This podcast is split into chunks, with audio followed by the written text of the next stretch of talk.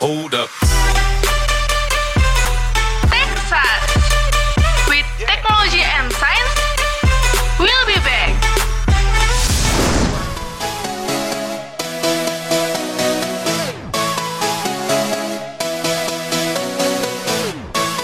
lima Rapa FM, the first entertainment channel in Solo. Halo Kampus Brainers, gimana kabarnya? Kamu sekarang lagi ngapain nih? Lagi rebahan? Lagi makan? Atau kamu baru ngerjain tugas? Wah, pokoknya semangat aja buat kamu yang ngejalanin segala aktivitas baik di dalam rumah maupun di luar rumah gitu. Oke, di kesempatan kali ini kamu lagi dengerin spesial program Texas di podcast Rama FM dan di sini tentunya Brili bakal nemenin kamu beberapa waktu ke depan yang membahas seputar dunia perkembangan teknologi dan sains. Ya kerasa ya, udah di ujung tahun 2020, banyak banget rintangan hidup yang terjadi, suka, duka, selalu menyelimuti di tahun ini, dan pada akhirnya ya bisa kuat melewati itu semua, udah waktunya buat mempersiapin tahun baru ya. Yang di mana semoga kehidupan di tahun 2021 lebih baik dari tahun-tahun sebelumnya. Dan semoga segala harapan bisa terrealisasikan di tahun itu.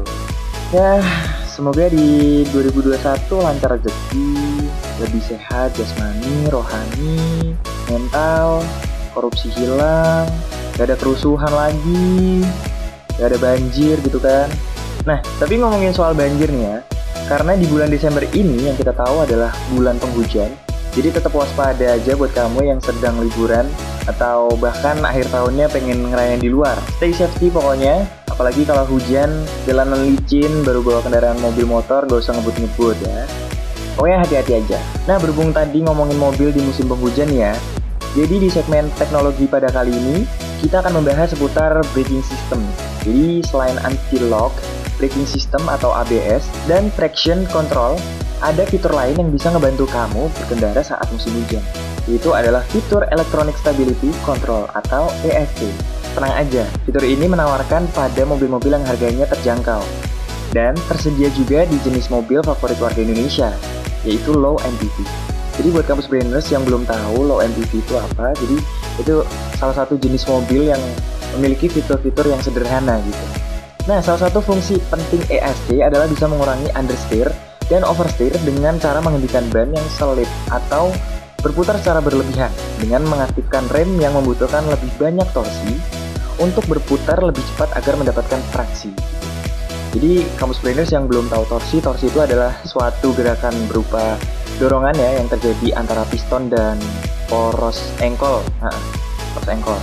Dan traksi sendiri merupakan gaya gesek maksimum yang dihasilkan antara dua permukaan tanpa mengalami slip atau tergelincir, terpeleset lah bahasanya.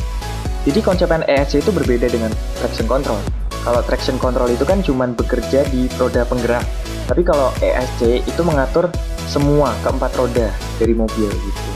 Sony Susmana, selaku praktisi keselamatan berkendara dari Safety Defensive Consultant Indonesia atau SDCI, menjelaskan jadi selama kondisi jalanan hujan atau licin, ESC bisa menjaga kondisi ban agar nggak berputar secara berlebihan atau selip.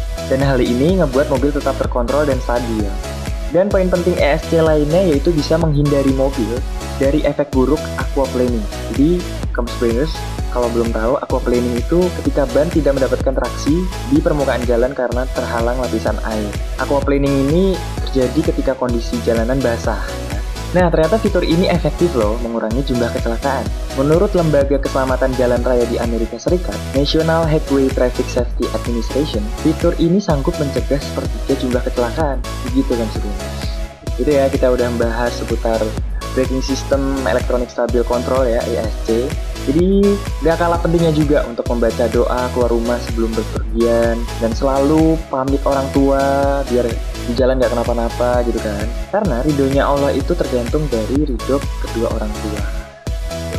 Nah karena tadi udah bahas seputar mobil nih ternyata ada kaitannya juga nih dengan dunia sains kampus primers ternyata ada banyak hukum fisikanya loh. Salah satunya terjadi hukum Newton. Really bakal nge-review dikit nih biar kampus primers juga ingat lagi pelajaran sains zaman SD dulu.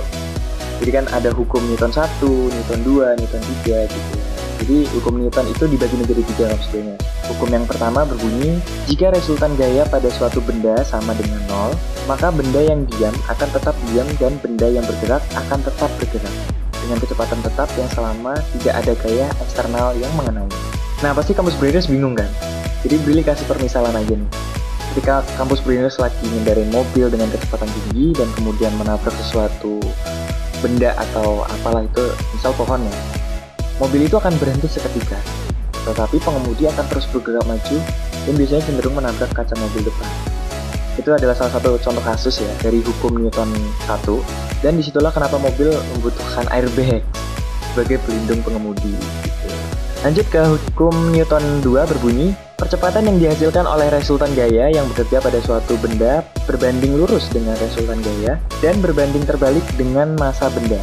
Jadi contoh simpelnya ketika kamu mendorong bis dan motornya, mendorong bis memerlukan tenaga dan gaya yang besar karena masa dalam bis itu lebih besar dibandingkan motor. Tapi gimana kalau motor dan bis dijatuhin ke jurang secara bersamaan? Nah, faktanya kedua benda tersebut akan jatuh secara bersamaan loh. Karena percepatan dua buah benda di bumi akan memiliki nilai yang sama pada ketinggian yang sama. Itu disebabkan oleh pengaruh medan gravitasi. Jadi gaya yang dihasilkan motor emang lebih kecil dibandingkan bis. Tapi jika kita membuat rasio gaya, masa mereka nyatanya mereka memiliki percepatan yang sama. Itu buat hukum Newton yang kedua ya.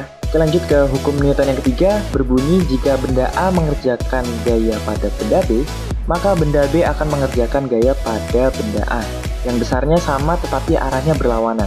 Jadi kalau masih belum paham contoh kasusnya kayak gini. Misal, misal ketika kita lompat, kaki akan memberikan gaya ke tanah. Tanah akan menerapkan gaya reaksi yang sama tetapi berlawanan arah yang mendorong kita ke udara. Gitu. Gimana? Cukup berbobot ya pembahasan podcast Texas pada kali ini. Semoga yang Brili sampaikan tadi bisa bermanfaat buat kamu. Dan mungkin segitu aja. Sampai jumpa di Texas minggu depan karena Brili akan bahas update seputar dunia teknologi dan sains. Oke? Akhir kata terhormatlah bagi yang berprestasi dan berprestasilah dengan tetap menjaga kehormatan. Brili pamit. See you Kampus Viewers.